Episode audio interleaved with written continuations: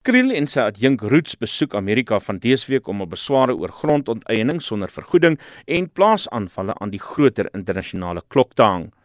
Die besoek geskied onder groot kritiek van Suid-Afrikaanse kommentators en ontleeders, soos professor Elmien Du Plessis van Noordwes Universiteit wat in 'n Twitter-debat met Roots en AfriForum se volgelinge gewikkel geraak het. President Cyril Ramaphosa het sy stem ook vanuit die parlement tydens vraatyd Dinsdag by die koor van kritiek gevoeg.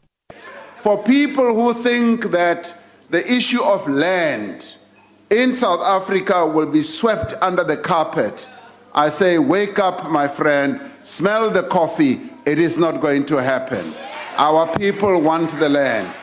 So, our, our task, and I want to repeat what I said earlier, even for those who are seeking to go around the world to mobilize the international community against their own country.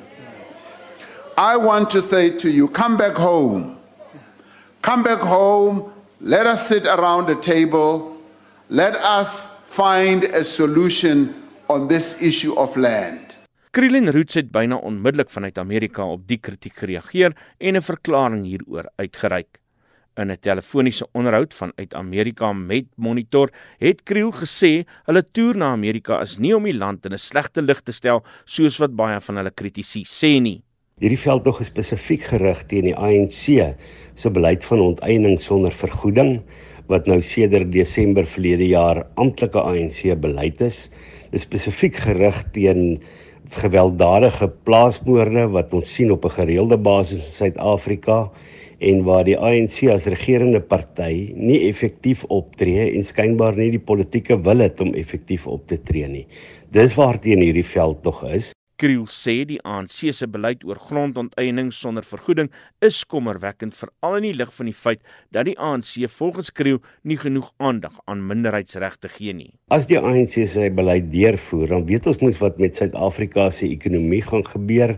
Daar's genoeg voorbeelde in die wêreld soos Zimbabwe, Venezuela, Cuba. Hierdie voorbeelde is natuurlik iets wat die mense in die FSA baie goed ken.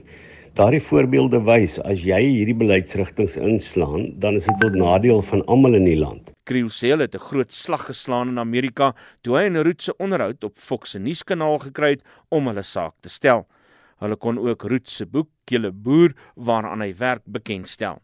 Volgens Kriel moet die wêreld kennis neem van hulle kommer, maar hy is meer as bereid om in gesprek met Ramaphosa te tree oor die kwessie sodra hulle terug in Suid-Afrika is. Natuurlik sal ons dit doen. Ons is nog altyd bereid om dit te doen. Ons sal ook wanneer ons terugkeer na Suid-Afrika voortgaan met ons voorleggings ook eh, vir die parlementêre komitee. Maar die probleem is natuurlik daar moet ook 'n uh, gesindheidsverandering inkom by die regering en spesifiek by die ANC is dat hulle stemme vanuit minderheidsgemeenskappe ernstig moet begin opneem. Dit was die uitvoerende hoof van AfriForum Kali Kriel. Ek is Isak Du Plessis vir SAIK nuus.